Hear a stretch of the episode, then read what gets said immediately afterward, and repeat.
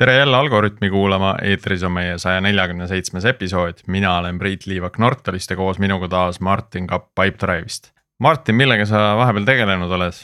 noh, ikka sama, samaga, mis kogu aeg, eks ole, viimased äh, paar kuud, aga. perekondlikud väljasõidud ja. jah, jah, aga äh, mis tore asi oli see, et mul sai vahepeal Pipedrive'is äh, kümme aastat täis. et, et peab sihukese nagu saatma väiksed.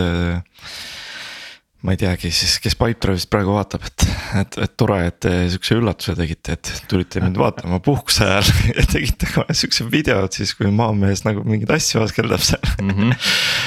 aga ei, ei selles mõttes jaa puhkus veel kestab, äh, valmistume loomulikult noh, nüüd on, nüüd hakkab valmistuma juba iga inimene, iga lapsevanem hakkab valmistuma kas kooliks või lasteaiaks.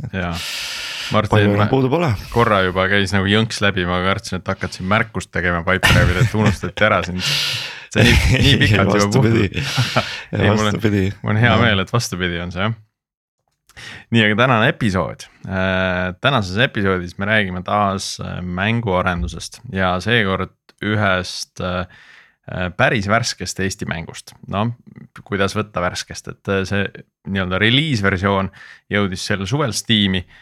Kuid oluliselt varem oli ta justkui demona juba väljas ja juttu tuleb siis Plastronaudist ja külas on meil Plastronaudi arendaja Jaanus Jagu, Jago tere Jaanus.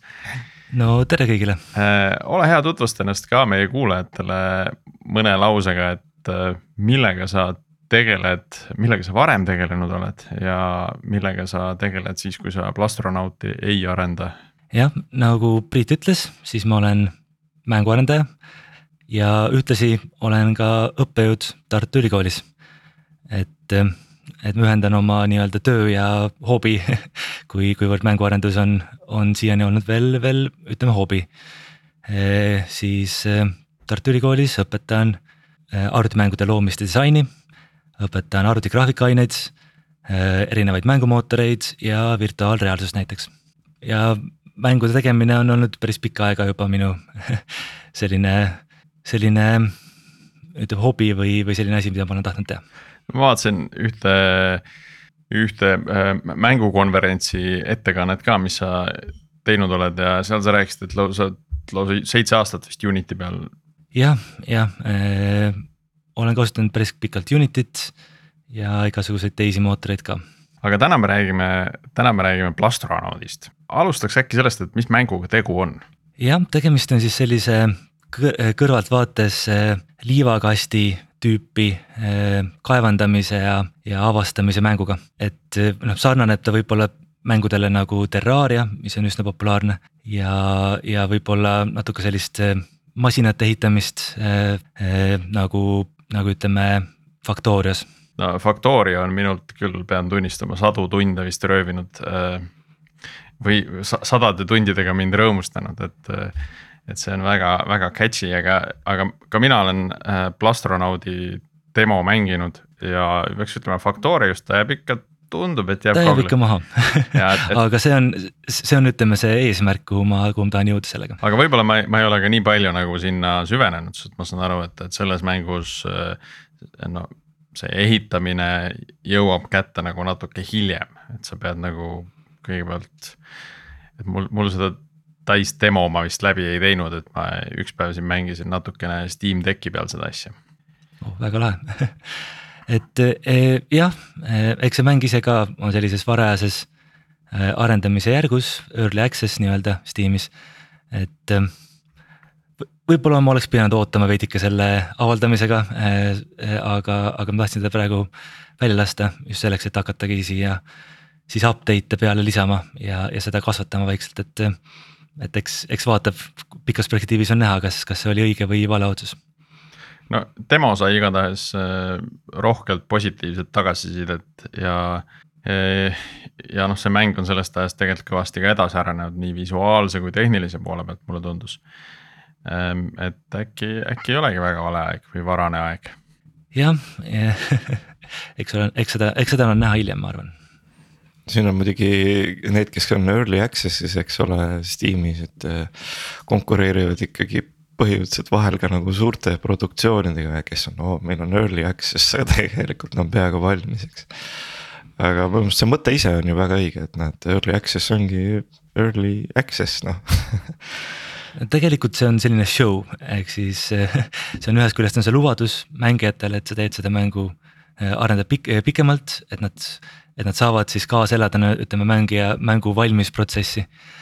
aga teisest küljest see on siis tõesti nagu jah, see early access ise on juba, juba iseenesest võiks olla nagu meelelahutus no mõnede jaoks on see early access ka selline natuke nagu vabandus, et noh, et kui siin on bugi, et see on ju early access on ju, et, et ärge pahandage.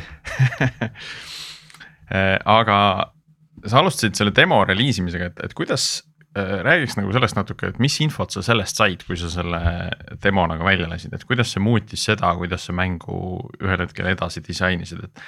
et seda võib nagu mõneti vaadata natuke sellise nagu tootearendusprotsessiga. Äh, või no mina vaatan seda kui tootearendusprotsessi, et sa, sa lased nagu mingile valitud grupile äh, välja, no early access samamoodi ju mingitele early adopter itele saadad selle, lased selle mängu välja ja siis ootad tegelikult tagasisidet ju selle kohta. täpselt nii ongi ja ja mänguarenduses on, on selliste demode väljalaskmine tegelikult eriti oluline. ja, ja iga, iga arendaja peaks seda tegema. et, et mina alustasin, nagu ma alustasin umbes selle mängu arendamist kaks aastat tagasi. siis ma lasin esimese demo eh, niimoodi ütleme sõpradele välja juba, juba võib-olla kuu aega pärast, pärast arendamist. ja, ja sealt vaikselt sain tagasisidet, lihvisin seda ja järjest, järjest eh, tegin seda demo paremaks. Eh, kusjuures alguses oli veel selline olukord, kus kohas need esimesed demod, mis välja lasin, inimestele väga, väga ei läinud korda, midagi oli puudu. ma, ma, mulle endal oli väga tore see mäng, aga inimesed mängisid kümme minutit, ütlesid, et okei okay,, tore. noh, võib-olla viis minutit. Äh, ja, ja siis äh, rohkem ei viitsinud, et midagi oli puudu. ja, ja selle protsessi käigus siis äh, ühel hetkel ma sain aru, et, et mängijatel, mängijatel ei ole mingit eesmärki noh, nad, nad ei tea, et selles maailmas on igasuguseid ägedaid asju, mida teha. ja ma lisasin eh, juurde sellised eh, ülesanded, mida mängija peab täitma, mis, mis, mis on seal praeguses demos ka siis olemas. ja, ja niipea kui ma lisasin, siis, siis needsamad mängijad, kes enne olid võib-olla mänginud viis minutit. Tulid tagasi, ütlesid, et nad mängisid pool tundi või isegi mitu tundi ja, ja neile täiega meeldis. sealt edasi siis ütleme kolm kuud või, või paar kuud pärast, pärast siis esialgset prototüübi siis tegemist ja ja siis ütleme sõprusringkondades teiste Eesti mänguarendajatega testimist. Eh, lasime välja siis esimese sellise avaliku demo eh, veebipõhiselt eh, itš.io-s ja, ja see sai tagasisidet ja sealt edasi juba oli esimene Steam'i festival. ja, ja nüüd siis ütleme poolteist aastat hiljem ma lasin välja veel uuendatud demo. ja, ja, ja isegi praegu, kus mäng on väljas, siis ma olen seda demo nagu järjest, järjest uuendanud, et, et sellised lihtsalt demod töötavad mm. -hmm. nüüd me jõudsime päris mitu huvitavat äh, fakti käis siit läbi juba, et äh,, et sa ütlesid, et äh, alguses reliisisid sellise veebipõhise demo äh,. kas see oli tehtud täpselt sama mootoriga või, või see oli siis ikkagi mingi selline äraviskamiseks mõeldud prototüüp natuke, et et nad katsetasid seal veebis seda ja sa said mingit tagasisidet, infot selle kohta ja siis tegelikult võtsid selle äh, õige mootori, see Godot mootori, millega Plastronaut kirjutatud on ja tegid uuesti asju? ei, ei, see oli ikka sellesama mootoriga tehtud, isegi seesama, sedasama demo ma olen edasi arendanud, et. et selliseid päris prototüüpe on ka mõistlik teha, mida sa siis viskadki, viskadki ära, e, eriti alguses, algusfaasis. ma pean tunnistama, et pärast seda kõige esimest demo e, ma refaktoreerisin, restruktureerisin kõik asjad ringi täiesti totaalselt, ehk siis e, sellest algsest koodist on, on vähe küll just üsna vähe alles aga, aga, aga jah, ma ikkagi tegin sedasama asja siis Godot mootoriga, üldiselt mootorid lubavad mängu siis eksportida erinevatele, erinevatele platvormidele, saad veebi panna, saad panna Windowsile, Macile, Linuxile ja mobiilile ka mm. -hmm. aga kui nüüd veebi saab panna, et miks siis kõik mängud ei ole veebis, et täitsa sihuke rookie küsimus, et miks sa sinna Steam'i üldse trügid sellega? Äh, veebis on keeruline mänguga raha teha, ehk siis inimesed ikkagi suhtuvad veebimängu veidikene teistmoodi kui, kui äh, siis äh, mängu, mille sa laed alla ja, ja, ja mängid Steamis näiteks et see tekib see omandi illusioon, kuigi seda, kuigi seda pole tegelikult vist. jah, noh ma, ma arvan, et see on noh, tuleb ka kõigist nendest erinevatest Facebooki mängudest ja, ja veebimängudest, mis siin. noh, meil olid flash mängud siin, siin tükk aega tagasi väga, väga populaarsed. et, et võib-olla sellest on jäänud lihtsalt selline nagu teatav mm,. paha maitse, kibe maitse ehm, aga nüüd eh, kõik, kõik need demod, mis seal väljas on, et eh, ja, ja ka praegune early access, et kui palju selliseid eh, kasutamise meetrikaid sa sealt tagasi saad? et kas, kas see on ainult nagu kasutajate tagasiside või sa, või sa näed ka seal, ma ei tea, et kui kaua inimesed mängivad, kui pikkade sessioonidega nad mängivad. kui sügavale maailma nad jõuavad ja nii edasi, mida sa saad -hmm. sealt kätte või mis sa sinna sisse oled kirjutanud? et, et jah, noh demo staadiumis ütleme, võib-olla ei olegi kohe alguses vaja eh, seda, seda kõige sügavamat meetrikat kätte saada, et selline eh, mängi emotsioon eh, ja, ja see, mis neid häirib, on, on võib-olla, võib-olla, võib-olla isegi olulisem. et, et teada, et mis on enam-vähem need asjad, mida sa pead kõige kiiremas järjekorras siis parandama. aga noh, need erinevad erinevad rakendused, itš.io ja Steam, ka annab tegelikult tagasiside selle kohta, et kui kaua mängijad üldiselt keskmiselt seda mängi-, mängivad. aga noh, vaikimisi sa ei saa, sa saa päris hästi teada, et kui, kuhu nad täpselt jõudsid. Nüüd mängu endasse, nüüd kui ma selle varajases ligipääsus või early access'is avaldasin siis ma kasutasin sellist kavalat nippi, et Steamis on achievement'id või saavutused mida mängijad saavad unlock ida. ma seadisin need üles niimoodi, et, et need annaksid mulle enam-vähem täpselt sedasama infot, et kui kaugele mängija on mängus jõudnud, et ma näen, et äh, mis bioomi nad on jõudnud, millis-, äh, milliseid vastase, äh, vastaseid nad on näinud, milliseid ressursse nad on saanud või, või craft inud.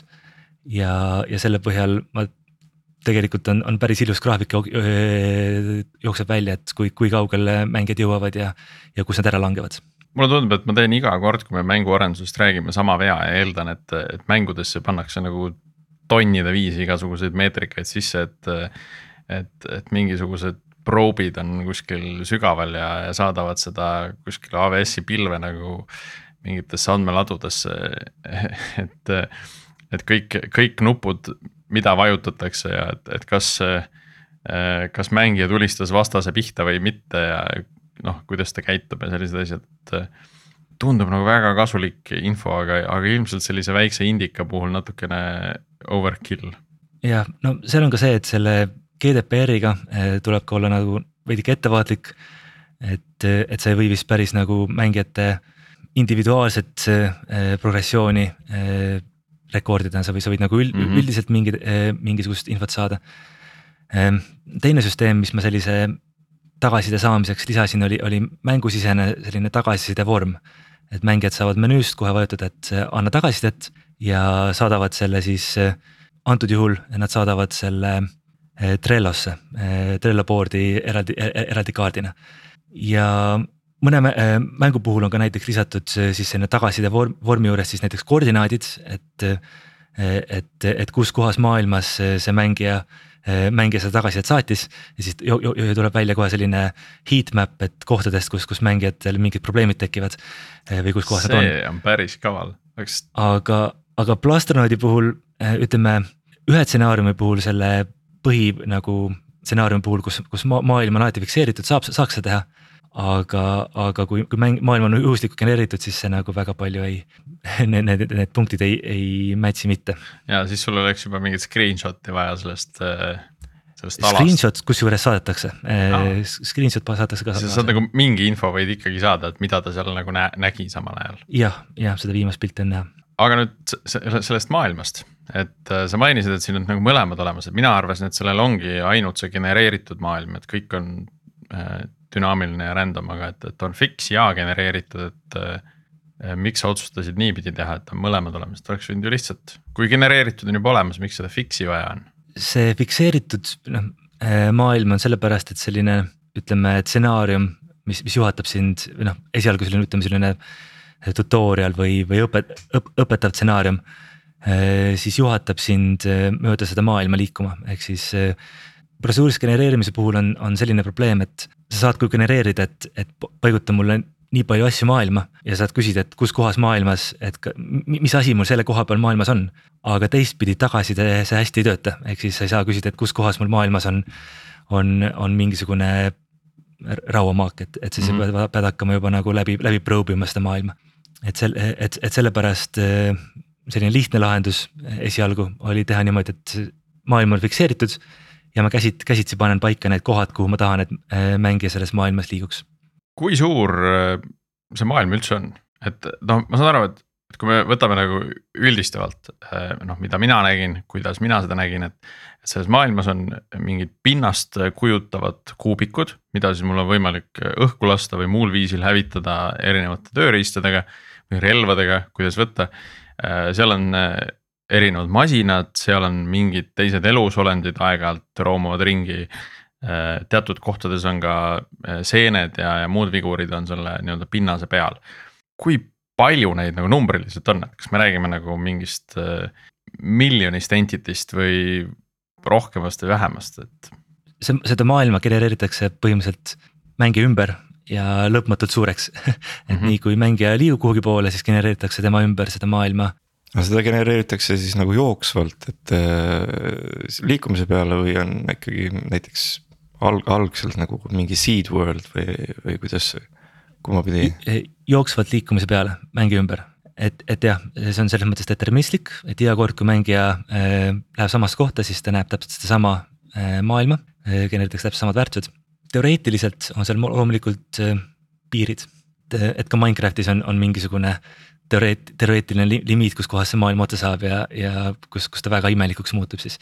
et äh, Plastronaudis on see, on, on see limiit küll tegelikult palju lähemal äh,, tuleb tehniliselt sellest, kuidas Godot mängumootor äh, kasutab siis Eh, kuidas Godot mängumootor siis eh, ütleme seda maailmakaardi tilemap'i eh, siis mälus hoiab, et, et tal on mingi fikseeritud üsna, üsna, üsna väike nagu intitser arv selle, selle siis hoidmiseks. Ja, ja, ja noh, kui ta läbi saab, siis noh, eks, eks see on üsna pikk ette, ettevõtmine, et ma, ma ise olen nagu nagu enam-vähem sinna lõppu, lõppu jooksnud nagu väikse, väikse kiirendusega kaameraga ja ütleme tavamängijal eh, hetkel, hetkel peab umbes eh, kaks tundi kuhugi kuskile suunas, suunas lihtsalt eh, üksteised liikuma, et, et sinna lõppu jõuda mm. -hmm, päris karm, arvestades mängu piiranguid, mis kasutajale seatakse, ma ei tea, kütuse hulk ja et siis.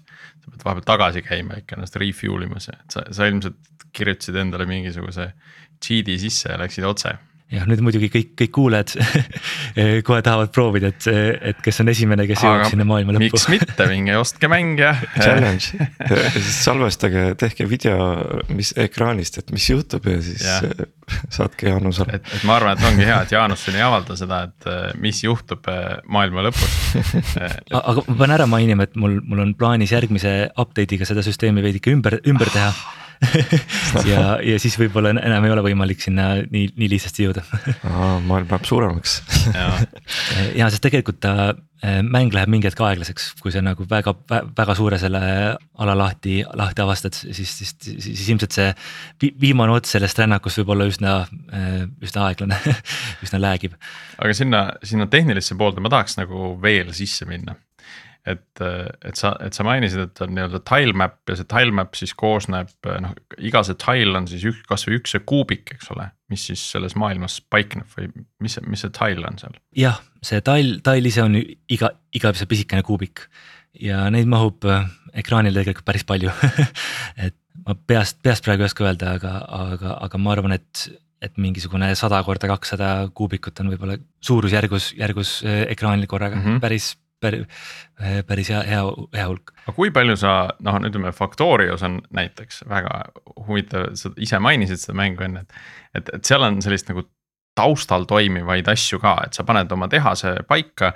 sa lähed äh, teise kaardi otsa, eks ole, aga noh, seal, seal toimub mingisugune arvutus samal ajal ikkagi, et, et kuidas need ressursid jooksevad sinna tehasesse ja see toodab midagi ja. ja samal ajal, ma ei tea, mingid need äh, putukad võivad minna seda asja ründama et noh, et sa pead arvutama nagu välja mingisuguseid asju, mis toimuvad kaardi teises otsas. et sa, kui palju nagu Plastronaudis seda on, et sa pead nagu arvutama midagi, mis toimub mujal? jah, seda, seda ikka on ja, ja noh, see, see läheb mingi hetkel päris tõsiseks väljakutseks, mida lahendada. nagu ma ütlesin, siis see tilemap'is on, on väiksed, väiksed probleemid, mistõttu ma tahan seda ümber teha veidikene järgmiseks update'iks. ja, ja ta läheb aeglaseks, kui ta, kui ta väga, väga suureks läheb. Üldiselt Godot mängumootoris on olemas selline automaatselt juba seda tilemap'i ütleme, jungitakse või jagatakse mingiks, mingiteks suuremateks plokkideks. ja siis neid plokke, kus, kus mänge ei ole, neid, neid siis ei, ei näidata. millegi tõttu väga suurte maailmade puhul see läheb jah aeglaseks, aga, aga üldiselt see töötab suhteliselt kenasti, et ma olen üsna, üsna rahul sellega, kui hästi see siiamaani töötanud on. selle peale mina omakorda olen teinud oma sellise chunk imissüsteemi, kus ma jaotan siis need erinevad objektid, mis maailma lisatakse, vastased, ehitised, siis samuti siis, siis selliste fikseeritud suuruste, suurusega ruutude vahel ära. laen need objektid, mida, kus, mida mängija ei näe, siis, siis maailmast välja mällu, aga, aga, aga jah, võtan, võtan mängu mootori küljest ära.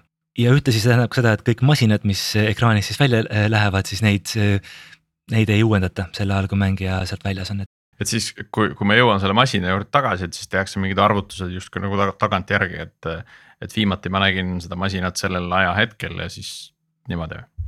Äh, täpselt nii, ehk siis äh, enam-vähem salvestatakse maha see, et kuna oli algusaeg, kuna hakati craft ima, kui palju esemeid eh, oli vaja craft ida ja kui mängija tagasi tuleb, siis arvutatakse siis eh, uuesti see state, et kui, mis, mis seisus see masin on. No see eskaleerub kindlasti oluliselt paremini kui see, et igal, igal mängutsüklil arvutada välja see, see craft imise olek.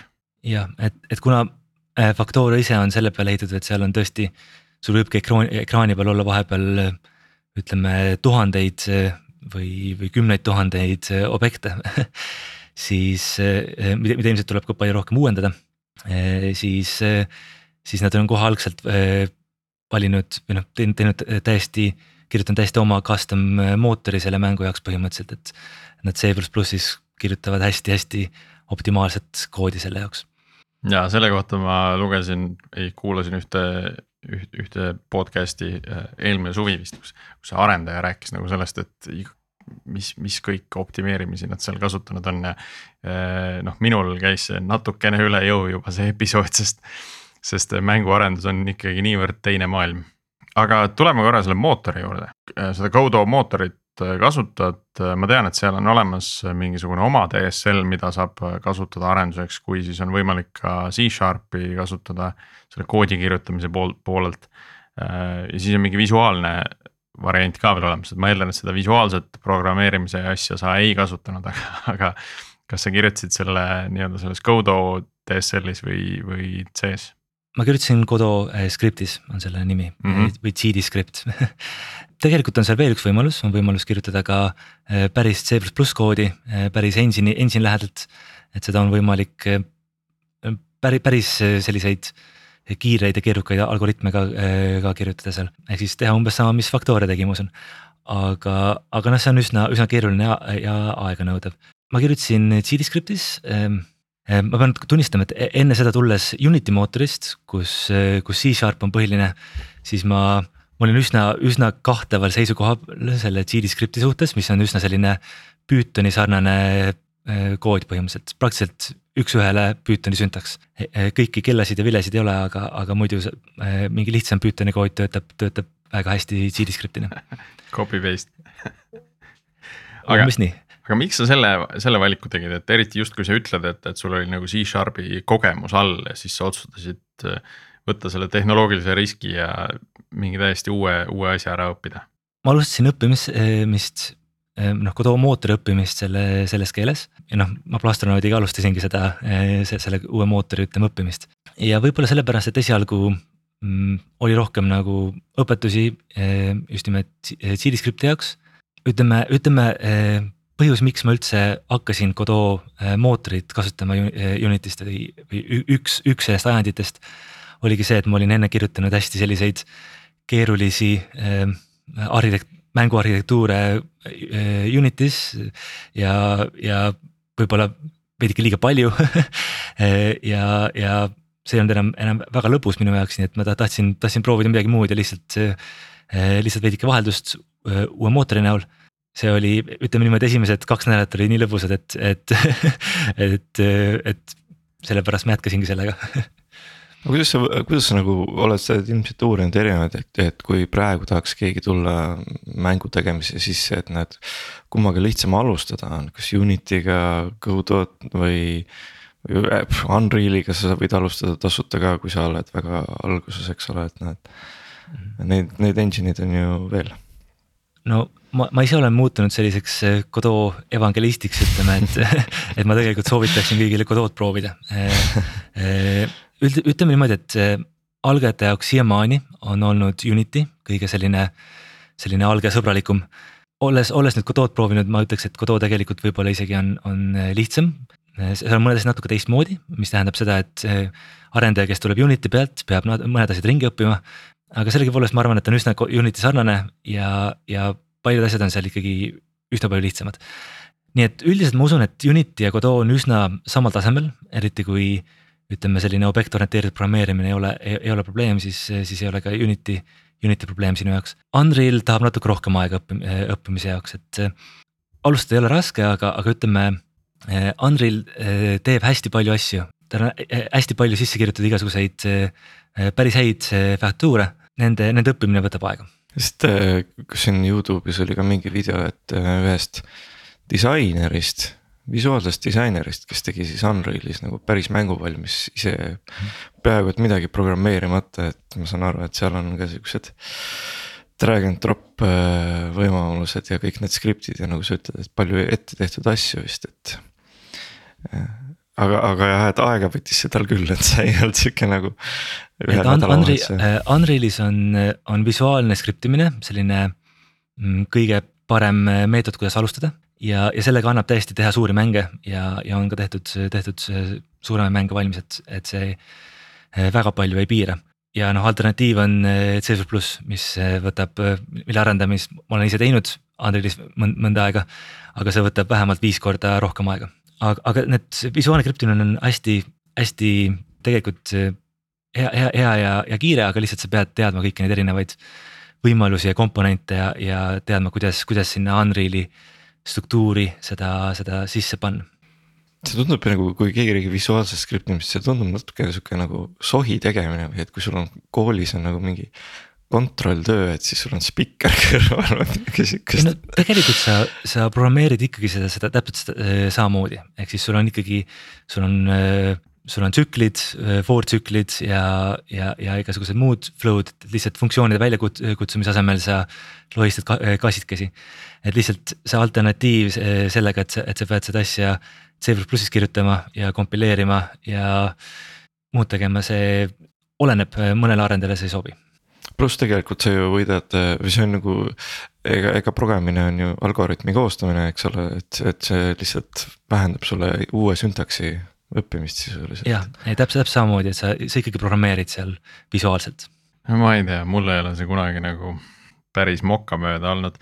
Eh, aga kui me tuleme selle GD-skripti juurde tagasi, et eh, kas, kas seal on olemas samamoodi, ma ei tea, automaattestide kirjutamise võimekus, eh, mingid Äh, noh, ma ei tea, continuous integration'i asju. jah, loomulikult, et, et isegi ütleme, continuous integration ei, ei sõltu sellest Godot skriptist äh, nii palju. nojah, aga noh, see eeldab, et seal on see mingi automatiseerimise võimekus olemas, eks ole. saab, loomulikult selle jaoks on olemas teegid ja, ja ma ütleks isegi, et, et võib-olla Godot's on, on automaattesti kirjutamine lihtsam kui, kui Unity's näiteks hmm,. see on küll väga positiivne ja ma mõtlen, et aga samas sellise nagu visuaalse programmeerimise poole pealt noh, ma ei tea, kuidas sa seal neid automaatteste kirjutad, et pead ikka progema hakkama või pead järgmisi nõude kokku hakkama lohistama, mis testivad su teisi. aga see muutub lõpuks sul ikkagi mingisugust sorti skriptiks, mis salvestatakse, mida on võimalik sul ilmselt kuidagi parsida ja testida, eks mhm, ma, ma tõesti visuaalse skriptimise kohta Godot's ma hetkel ei oska, jään vastuse võlgu muuhulgas ma vaatasin selles, selles videos äh,, sa rääkisid ka sellest, et äh, kasutasite just selle visuaalse poole jaoks, nüüd ma räägin just nagu äh, Sprite'id ja muud kasutasite Affinity't, mitte, mitte Adobe'it äh,. kuidas mm, -hmm. Kuidas sinu tunne on, et kas Affinity on nagu Adobe killer äh, õige pea, et äh, ma järjest rohkem kuulen selle kohta, et, et ükskõik, kas tehakse mingit disainitööd, joonistatakse nii-öelda arvutigraafika elemente või, või tehakse fototöötlust, et siis järjest rohkem pöörduvad just Affinity poole, mitte ei kasuta Adobe lahendusi no see on küll hea, hea kuulda, et sellise, sellised uudised liiguvad. et ma kardan, et Adobe eh, toolsuit on, on lihtsalt nii suur ja selles mõttes, et korporatsioonidesse siis sisse si, sisse kinnistunud, et, et väga raske on, on, on, on tegelikult eh, teha just Affinity'ga. mitte sellepärast, et Affinity kuidagi mm, alla jääks Adobe'ile, aga pigem just sellepärast, et, et kuna kõik teised kasutavad ümber Adobe'it, siis mm -hmm. on, on väga raske nendega neid kuidagi ümber veenda. et, et jah, Affinity toetab küll Adobe faili for formaati, et, et sa saad isegi salvestada seal näiteks Photoshopi või eh, Illustratori faili minu, minu teada. aga, aga jah, kahjuks see e-, Adobe ökosüsteem on nii suur, et, et ma usun, et, et läheb veel aega eh, seni, kuni see päris jalust maha võtab aga samas nüüd eh, sellise indie-mängu arendamise võtmes Affinity oli kindlasti oluliselt odavam valik, kui Adobe oleks olnud ja,. jah, jah, eks see on ka põhjus, et, et Adobe on, on üsna, üsna, üsna, üsna kallis äh, tarkvara. Mina isiklikult olen väga-väga rahul äh, selles mõttes, et äh, see Affinity disainer äh, just või, võib-olla rohkem äh, on selline, ütleme võib-olla veidike lihtsam versioon Illustratorist, ütleme mäng, mänguarenduse puhul, puhul väga kasulikuks osutunud, et sa, sa, seal mõned asjad on seal Eh, tehtud nagu arendajatele väga hästi, näiteks saad defineerida oma graafikast hulga erinevaid, erinevaid slice'e ja siis eksportida kohe kõik, kõik pildikesed või, või graafika ühe, ühe, ühe korraga seal nende definitsioonide põhjal, et see, see on selline feature, mis mulle väga, väga meeldib. et äh, kõik äh, alustavad mänguarendajad out there, vaadake kohe Affinity poole, see on huvitav, et noh, me nüüd võib-olla lähme nagu sellest äh, progemise teemast veits kaugemale juba disaini teemasse, eks. aga no,. Front-end, mängu front-end, see on oluline. aga just täpselt ja, ja noh, veebi front-end'id tegelikult on ka ju Adobe käest, et kui, kui veel ütleme kümmekond aastat tagasi kõik veebidisainid tulid ikkagi Photoshopis tavaliselt, siis. siis nüüd on ikkagi Figma on noh, see, ma saan aru, mis on, mis on üle võtnud ja, ja ikka väga-väga suurel määral. nii et miks mitte, Adobel on, on, on millega võistelda. see on ainult positiivne. nüüd äh, Plastronauti sa oled pannud sisse ka ühe sellise mõnevõrra riskantse arenduse, ehk siis sa oled Plastronauti juurde teinud multiplayer'i toe. Äh, mille, mille kohta kõik mänguarendajad ütlevad, et oi, ärge seda küll tehke ja vähemalt alguses mitte. sest see on, see on väga kergesti võib kõik asjad katki teha mis sinu seisukoht sellest on või kuidas, kuidas see multiplayer Plastronauti jõudis, kui valus see oli? mina ka mitte kellelegi ei soovita või no vähemalt esialgu, siis sellist, selliste tüüpi, tüüpi mängudel sõpradega koos, eh, koos mängimine on üks, üks peamiseid featuure ja, ja mis, mis seda tüüpi mänge väga, väga armastama paneb. ehk siis mul päris alguses ei olnud pla plaanis multiplayer'it lisada, siis esialgu äh, pakkusin selle Tartu Ülikoolis siis tarkvaraprojekti aines tudengitele eh, katsetada, et. et see on selline aine, eh, mis ongi mõeldud ettevõtetele siis eh, tudengite, tudengite koos, tudengite siis kaasamiseks siis, siis oma, oma projektidesse. ja pakkusingi välja neljaliikmelisele tudengitiimile, et lisage siis sellele kõige esimesele demole multiplayer'i tugi. Ja nii, ja nii see sai alguse. Ja, ja sealt, sealt edasi ma ei ole tahtnud seda ära visata. Ma olen seda küll ümber teinud paar korda sellest ajast saadik ja see on üsna palju nagu peavalu valmistanud, mis ilmselt, mis ilmselt ka on, aga, aga kokkuvõttes ma arvan, et, et antud projektile sobib, see sobib. see on selline multiplayer, et kui ta töötab, siis ta on väga äge ja kui ta ei tööta, siis on või, või kuidas ta, kuidas see on, kuidas see üldse nagu sul multiplayer tehtud on, on see peer-to-peer põhine või on ta ikkagi läbi serveri? ja e, et ma kasutan Steam'i enda poel on erinevad liidesed. Nad pakuvad igasuguseid asju, et needsamad achievement'id on ka lihtsalt üks, üks nende, nende siis liides ja neid liidesid on terve, terve erinev hulk. ja ma kasutan siis nende, neil on ka siis enda selline siis võimalus siis sellist peer-to-peer mängude, mängude siis tegemiseks, ehk siis põhimõtteliselt, põhimõtteliselt pakub siis võimalust siis mängude listi eh, host imiseks, eh, sõnumite saatmiseks ja, ja võib-olla veel eh, muudeks, muudeks asjadeks veidikene. Et jah, see on siis, tegemist on siis mängijate enda host itud host itud siis peer-to-peer network'iga. või noh, tavaliselt selli-, sellise multiplayer lahenduse puhul üks suuremaid probleeme on selles, et, et kõik mängi-, mängud, mängijad ei pruugi alati ühendust saada. nagu sa ütlesid, et kui see ei tööta, siis on, on päris halvasti. ja, ja ka, ega su suuremate firmade puhul, et, et ma proovisin hiljuti ühte Wolfensteini koopmängu Youngblood ja ma lihtsalt ei saanud sõbraga ühendust, sest et noh, ei ühendanud ära et seal võib olla see probleem, et mängijad on, on mingisuguse NAT-i taga ja lihtsalt ei, ei, ei saagi ühendust. et eh, selle vastu siis eh, Steamil on omal endal relay, relay serverid ka, ehk siis kui mängijate vahel otseühendust ei looda, siis, eh, siis luuakse läbi siis nende relay serverite, nii et alati mängijad ikkagi saavad lõpuks ühendatud. Nad õnneks aitavad siis sellisel juhul, kui jah, et üks peer on kuskil firewall'i või.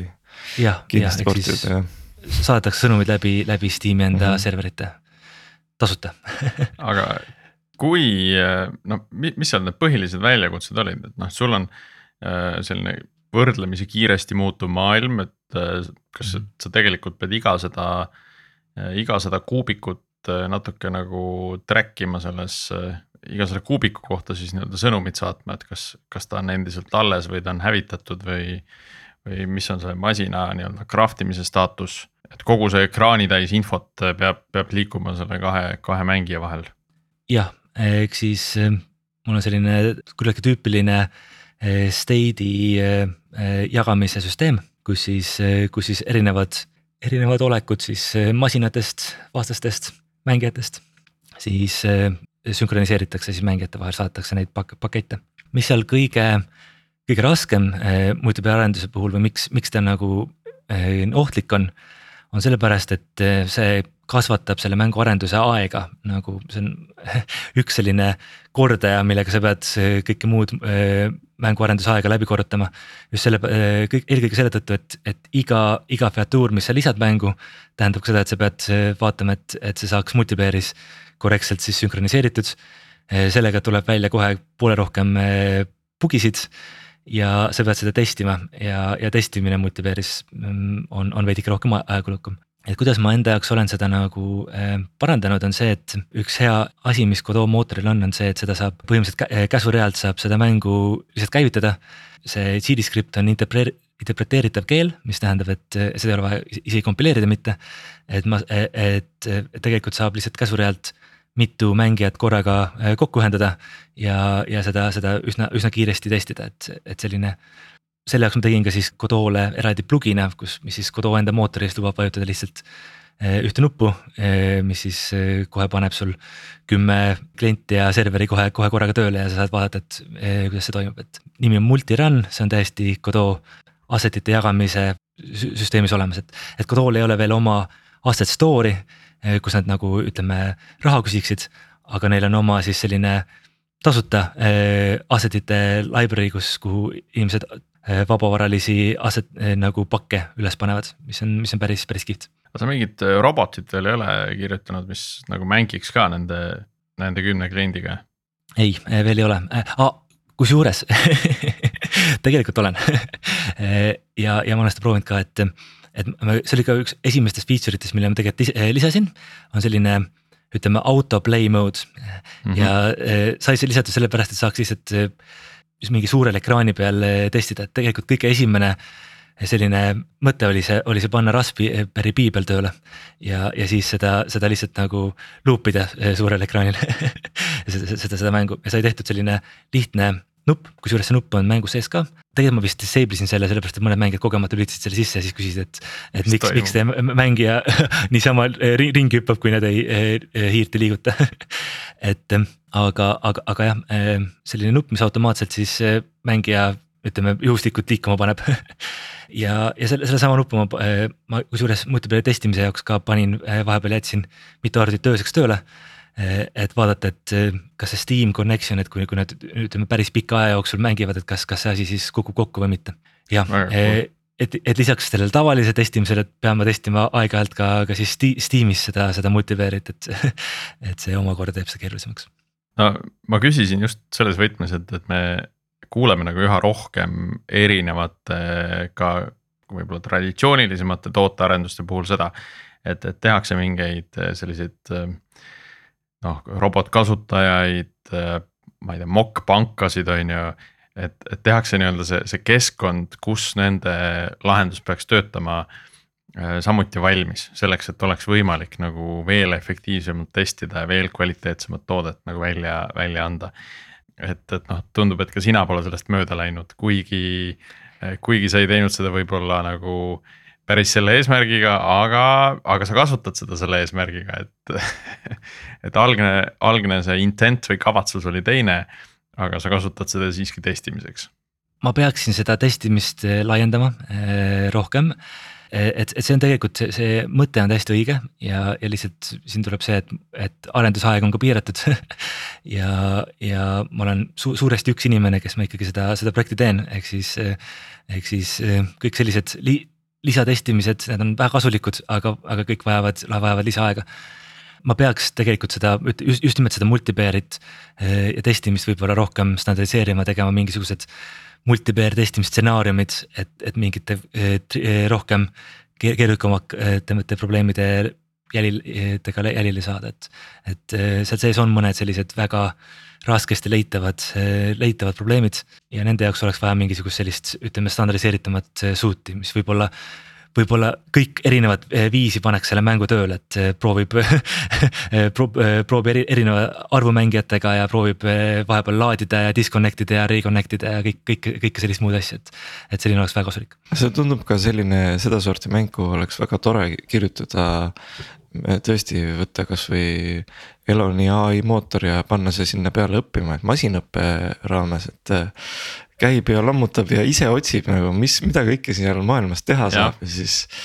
ja siis noh, jookseb siis tsüklis, eks ole, tal on oma mingi goal on ees, eks ole, õpib ja, ja, ja siis on sul olemas ka ühtlasi testimise ja, ja, ja bot ja kõik, mis sa sealt kätte saad no tegelikult oleks päris kihvt ka seda maailma ennast masinõppe abil, abil luua.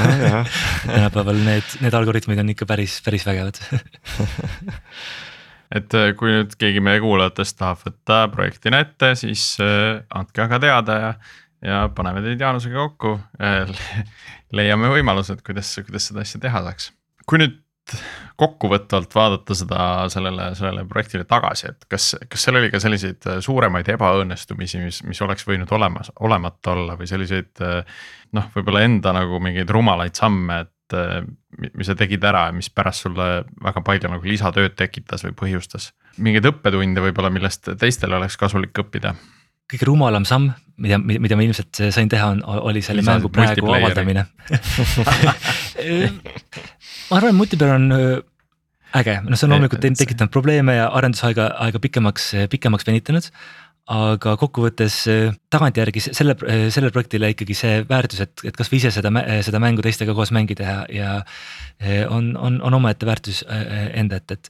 et see, see, see suurim, eks see suurim probleem, mis ilmselt saab tulla, on see, et nüüd peale seda parajast avaldamist, see, see mäng ei ole veel päris lennanud ja, ja see ja arusaadavatel põhjustel, et seal on lihtsalt, lihtsalt veel, veel kohati sisu on vähe, kohati on, on seal äh, mingeid probleeme ja mingeid feature'id, mida mängijad tahavad saada. ma nüüd äh, tahan katsetada, et kui ma seda mängu äh, jooksvalt uuendan, täiendan, kas, kas, kas mul on võimalik see ümber pöörata ja teha sellest järgmine, järgmine hittmäng või pärast seda esi, esialgset reliisi see vaikselt vajubki ära.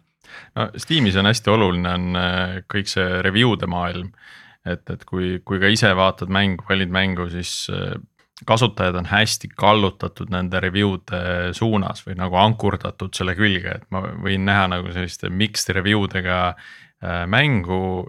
ja samas ma vaatan seda visuaali ja mõtlen, oh jumala äge mäng, aga kuna review'd on nagu mixed, et noh, ma võib-olla ei kipu nagu ostma seda kohe. sellepärast Mostly positiivne on veel ei no mostly väga hea, väga hea, ma arvan peale. just ka praegu vaatan, et tegelikult on ju noh, okei okay,, äh, need kommentaarid on ka ja need, mis siin negatiivselt lugeda, ongi selle kohta, et tead, et oh, sisu on vähe, aga ma mängisin ikka viisteist tundi nagu. et, et, et noh. ma arvan, viieteist tunni eest viisteist eurot maksta on päris okei okay.. ja eriti, kui seda mängu edasi arendatakse veel. jah, just aga muidu arenduse mõttes üks süsteem, millega ma ise olen tegelikult on nagu positiivsena äh, välja tulnud, on see, et et oligi, et pärast seda esimesi, esimesi kuid, kui ma selle esimese demo välja, välja lasin, siis oligi selline küsimus, et, et, et, et sellisel viisil seda mängu nagu, nagu pikalt arendada läheks, üks hetkel läheks väga keeruliseks. ja, ja siis ma kulutasin, ütleme aasta aega selle peale, et kogu mäng laiali lammutada ja uuesti üles ehitada. et ma tegin omaenda sellise datapõhise struktuuri sinna, kus kõik asjad sõltuvad siis, siis sellisest datast, mis toetakse sisse, sellega kaasa tuli, tuli selline editor, kus mängijad saavad ise mina saan, saan teha seda datat konfigureerida, maailma luua, masinaid teha ja nii edasi. aga ka kohe alguses oli see eesmärk siis mängijatele kätte anda selle, selle data siis muutmise tööriistad. ja, ja nüüd sai arendatud siis ka selline moodide loomise ja Steam'i üleslaadimise süsteem ja, ja mulle tundub, et see, see on tegelikult lõppkokkuvõttes see, see aasta, aasta sellist refaktoreerimist on ennast päris ära tasunud. sest et juba tulevad esimesed moodid, seda on päris, päris äge näha, kuidas, kuidas inimesed omaenda, enda laiendusi teevad sinu mängule. see Steam Workshopi kaudu ma siis saan aru. jah sest see natukene meenutab ka samamoodi, et ma olen mänginud omajagu ühte mängu, mille nimi on see Oxy-, Oxygen not included. mis on ka selline nagu suur erinevatest bioomidest koosnev, koosnev mäng, eks ole. ja need moodid ikka mõnikord võivad väga nagu muuta seda, seda feel'i, sa võid asju nagu ägedamaks teha, mõnikord võib-olla isegi liiga palju rikkuda ära. aga, aga see workshop'i süsteem on päris äge, et, et kui sul juba mäng toetab ka seda, siis ja arendamise end, enda seisukoha pealt ka, et, et kui eriti selline liivakasti tüüpi mäng võibki päris, päris kiiresti võib minna selle arendamine nagu, nagu keeruliseks, sellepärast kui, kui, kui sa seda kuidagi halvasti ütleme arhitektuurid. et kui, kui sa pead iga uue ploki lisamiseks mingeid erinevaid kohtasid koodis muutma, siis, siis see mingi hetkel ei ole nagu jätkusuutlik. et kui, kui see teha nagu kohe alguses hakata sellise datapõhise lähenemisega, kus, kus sa saad lihtsalt antud juhul siis JSON faili lisada uue kirje, mis lisab uue plokimängu või, või, või ja või, või uue kirje, mis lisab uue bioomi, siis selliselt on seda pikas perspektiivis palju, palju lihtsam arendada. aga see on kindlasti asi, mis peab tulema nagu, mis, mis ei saa tulla nagu esimesest päevast ju, see, sa pead ikkagi hakkama ütleme, alustama nagu lihtsamast prototüübist, et kui sa selle datapõhiselt juba alustad, et noh, see võib liigne keerukus olla ja tegelikult ja. sa lihtsalt tegeled selle või väga-väga selge visioon väga pikaks ajaks, et sul on seda kindlasti vaja, et nagu. aga, aga enamasti, kui sa alustad võib-olla ütleme indie tegijana, siis võib-olla sul nii selget visiooni veel ei ole. E, e, e, jah, tegelikult on, et, et mänguarenduse puhul üks selliseid suuremaid erisusi võib-olla ongi see, et et suurem osa sellest arendusest on selline suur prototüüpimine ja, ja testimine ja, ja, ja noh, ütleme ja, ja, ja, ja pivot imine ka, et, et refactomine, et, et seda. näiteks seda maailma genereerimist ma olen ümber kirjutanud mingi kuus korda totaalselt, et, et seda paremaks, kiiremaks, rohkem skaleeruvaks saada. et ja, ja noh, võib, võib-olla kui varem siin Oti käest sai küsitud seda, et et miks, miks automaatteste nii palju ei tehta, kui võib-olla tavapärases äh, mänguarenduses, siis üks, üks, äh, siit tuleb ka üks probleem välja, et kuna see tõesti äh, neid asju tuleb, tuleb hästi nii agiilselt nagu ümber kirjutada, et, et kogu, kogu, kogu süsteeme kohati nagu vahetad lihtsalt välja mm, -hmm. siis, siis. teste ümber kirjutada kogu aeg siis, siis tuleb ka teste ümber kirjutada kogu aeg ja, aga siis on, et, et mida sa testid, on ju, et kas siis peab võib-olla testimine minema nagu natukene kõrgemasse kihti, et. et kui noh, kui ma kujutan küll ette nagu end-to-end testi, et sa genereerid selle maailma ära, siis sa teed mingi pildi, näiteks PDF-e testitakse niimoodi, et. et, tehakse PDF-ist, kahest PDF-ist pilt ja siis äh, highlight itakse kasutaja jaoks need erinevused. Äh, ka selle suure pildi peal sa saad analüüsida nagu noh, ma ei tea, mingeid klastreid otsida näiteks ja et kui neid klastreid äh, on liiga vähe, et siis äh, see on juba probleem, et siis on see maailm valesti genereeritud on ju, või kui neid on liiga palju või nad on liiga suured, on ju. et sa saad mingid reeglid paika panna, milline sa tahad, et su maailm umbes oleks, on ju. ja siis sa otsid mingeid mustreid. saab, saab ka mänguseise võrrelda ja saab ka võrrelda mälu, mälu, mälus ilma nüüd ütleme pilt, piltide võrdluseta, aga, aga, aga ikkagi see on mm -hmm. veidikene sihukene Eh, rohkem triki kui, kui, kui sellise klassikalisele mingile veebiliidesele eh, testi kirjutamine. Ja no ja kindlasti, et, et sa peadki nagu noh, mingi tase nagu kõrgemale minema, et sa ei saa nagu testida seda maailma genereerimise funktsiooni võib-olla nii põhjalikult. sest sa pead selle võib-olla ühel hetkel ringi kirjutama ja siis kogu see test läheb ka aia taha. siin on juba erinevat tüüpi testid, eks ju, sa võid unit teste teha, eks ole, tõenäoliselt mingisugusel viisil, aga. aga jah, et, et see annab sulle ainult selle funkt-, ühe funktsiooni, aga kuidas sa seda mängus kasutad ja kuidas see välja jõuab lõpuni, eks ole, et siis on midagi veel ikkagi kindlasti vaja mm. -hmm. jah, selle jaoks on olemas meetodid ka integratsioonitestide ja, ja muude, muude testide jaoks, aga, aga see kohati on veidikene selline mm, noh, ei ole alati väga lihtne. ja see, seal on alati see trade-off, et äh, kas nüüd parandada ära mingi bugi või kirjutada üks hästi keeruline integratsioonitest. et peab valikuid tegema, eriti kui arendajaid on vähem või, või lisa, äh, tuleb lisada mõni, mõni uus feature juurde, sest et ja. mängijad kõik kurdavad, et feature'id on liiga vähe just, just. Steam Decki ma korra mainisin ka alguses, et kas, kas on ka plaan selle platvormi jaoks äh, mingeid teistmoodi optimeerimisi teha, et. Äh, see mäng tegelikult töötab päris hästi juba Steam Decki peal, et ma olen teda töötab. juba ju, ju, juba ise oma Steam Decki peal veidikene kohandanud et eh, sealt tulid ka kohe probleemid välja, ekraan on väiksem ja mm -hmm. kogu, kogu UI tuli teha skaleerivamaks ja nii edasi. aga ta töötab, järgmine samm on, on saada see verified. selle jaoks juba on neid äh, nii-öelda parandusi tehtud, et siis, siis ongi juba hästi. ma noh, mõtlesin, et ei tea, et kas ma olen esimene, ma kahtlesin küll. äge, mida siis tulevik Plastronaudile toob? Peale Algorütmi kuulamist kindlasti hästi palju inimesi, kes lähevad kohe Steam'i ja wishlist ivad mängu või siis veel parem ostavad selle. aga feature'ite mõttes. proovige demo, mis on tasuta. proovi kõigepealt demo. aga wishlist'iga ikkagi. jah, wishlist'iga ja, ja kui ja, ja, ja kui te otsustate osta, siis jätkake review, see aitab kõvasti aga eh, mis see tulevik toob ähm,? Äh, nagu ma ütlesin, mul plaan on, on lisada uuendusi, mul on terve hunnik väga crazy sid ideesid eh, eh, noh eh, prioritiseeritult loomulikult. aga, aga mu eesmärk on teha selliseks ultimate sandbox mänguks, kus, kus on neid erinevaid asju, millega, millega mängida, erinevaid objekte päris, päris palju. et ühel hetkel tulevad kindlasti sinna robotid, kes sinu eest asju ringi liigutavad ja, ja rohkem seda Factoria suunas liigutavad siis nagu sai mainitud. aga kõige esimene uuendus, siin eestikeelsele publikule võin, võin natukene spoil ida eh, on, on, kus ma seda maailma ringi teen, on, on plaanis lisada eh, siis eh, pimedus mängu, ehk siis ütleme selline fog of war või et, et sa ei näe, sa ei näe nagu igale poole ja muuta seda explore imist palju huvitavamaks. ja sellega kaasa ka siis võib-olla minimap, mis, mis, mida, mida kõik, kõik, kõik on soovinud, et seda väga eksivad ära selles protseduurilises maailmas hetkel mm. -hmm. ja ma, ma ka navigeerisin peamiselt nagu enda kaevatud mingite tunnelite järgi, et aa, see on see diagonaal, sedapidi ma saan välja või sisse. väga hea mälutrenn on see. jah, või võib-olla peaks olema see minimap nagu, nagu kinni keeratav, et saad, saad nagu rohkem sellist äh, autentset elamust nagu, et kuidas on no no, no vot ongi, aga, aga vaata nüüd, kus see mäng on early access, siis nüüd, nüüd tuleb teha, teha seda mängu selliselt, et see ka mängijatele nagu nende soovidele eh, vastaks ja, ja minimap on üks, üks kõige rohkem eh, küsitud feature'id antud, antud hetkel mängu puhul üldse mm. -hmm. et neid, neid asju on veel, seal võib-olla eh, liikumist tuleks parandada, see on veidike liiga slippery, liiga libisev, seda ma katsun, katsun kunagi paremaks ümber teha. Ja, ja, ja üht-teist veel, et äh, asju, mida sa saaksid äh, equipment'i kätte võtta, et äh, oleks, oleks seda rohkem ja oleks seda võimalik võib-olla kuidagi mingisse inventory'sse mitmesse erinevasse slot'i panna, et neid, neid asju, mida saab paremaks teha, on, on, on päris palju.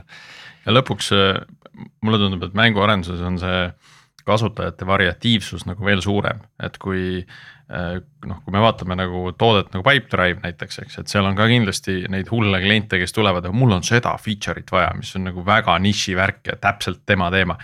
Äh, aga noh, mänguarenduses ma kujutan ette, et kaks kolmandik mängijaid nagu tahaks mingit sellist feature'it, mis on ainult neile mõeldud, et mis, mis võib nagu hea olla.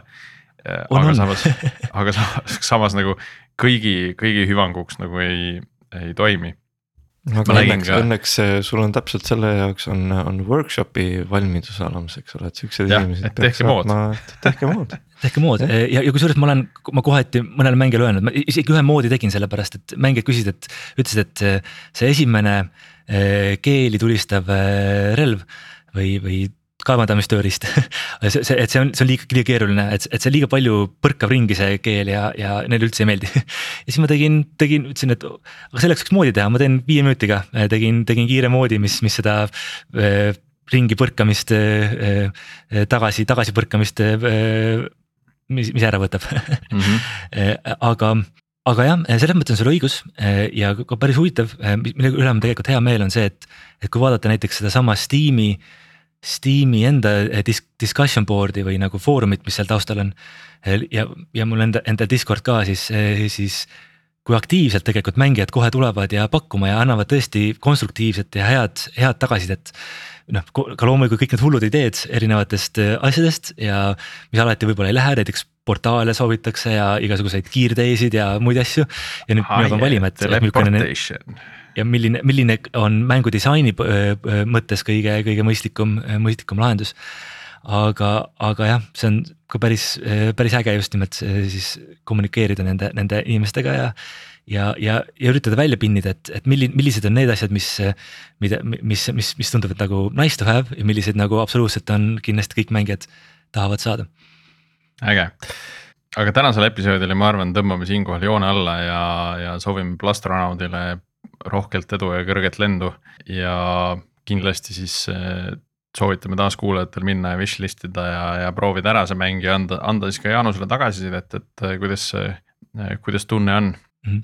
ja kui, kui kellelgi on mingeid küsimusi mulle, mulle endale, siin on mõned mänguarendajad tihtipeale tahtnud veel üht-teist küsida, siis nad võivad liituda ka siis Plastronaudi Discordiga, see on samas tiimi lehel olemas. ja sealt saada minu, kohe minu Discordi konto ja ja, ja küsida minu käest asju, et, et Discordis ma olen kõige, kõige aktiivsem. aga siinkohal ütlemegi siis aitäh, Jaanus sulle osalemast, et saime väga kihvti episoodi, aitäh meie kuulajatele. aitäh ka Martin sulle ja jääme kuulmiseni järgmisel nädalal. aitäh sulle, Priit. ja, ja aitäh kutsumast, väga äge oli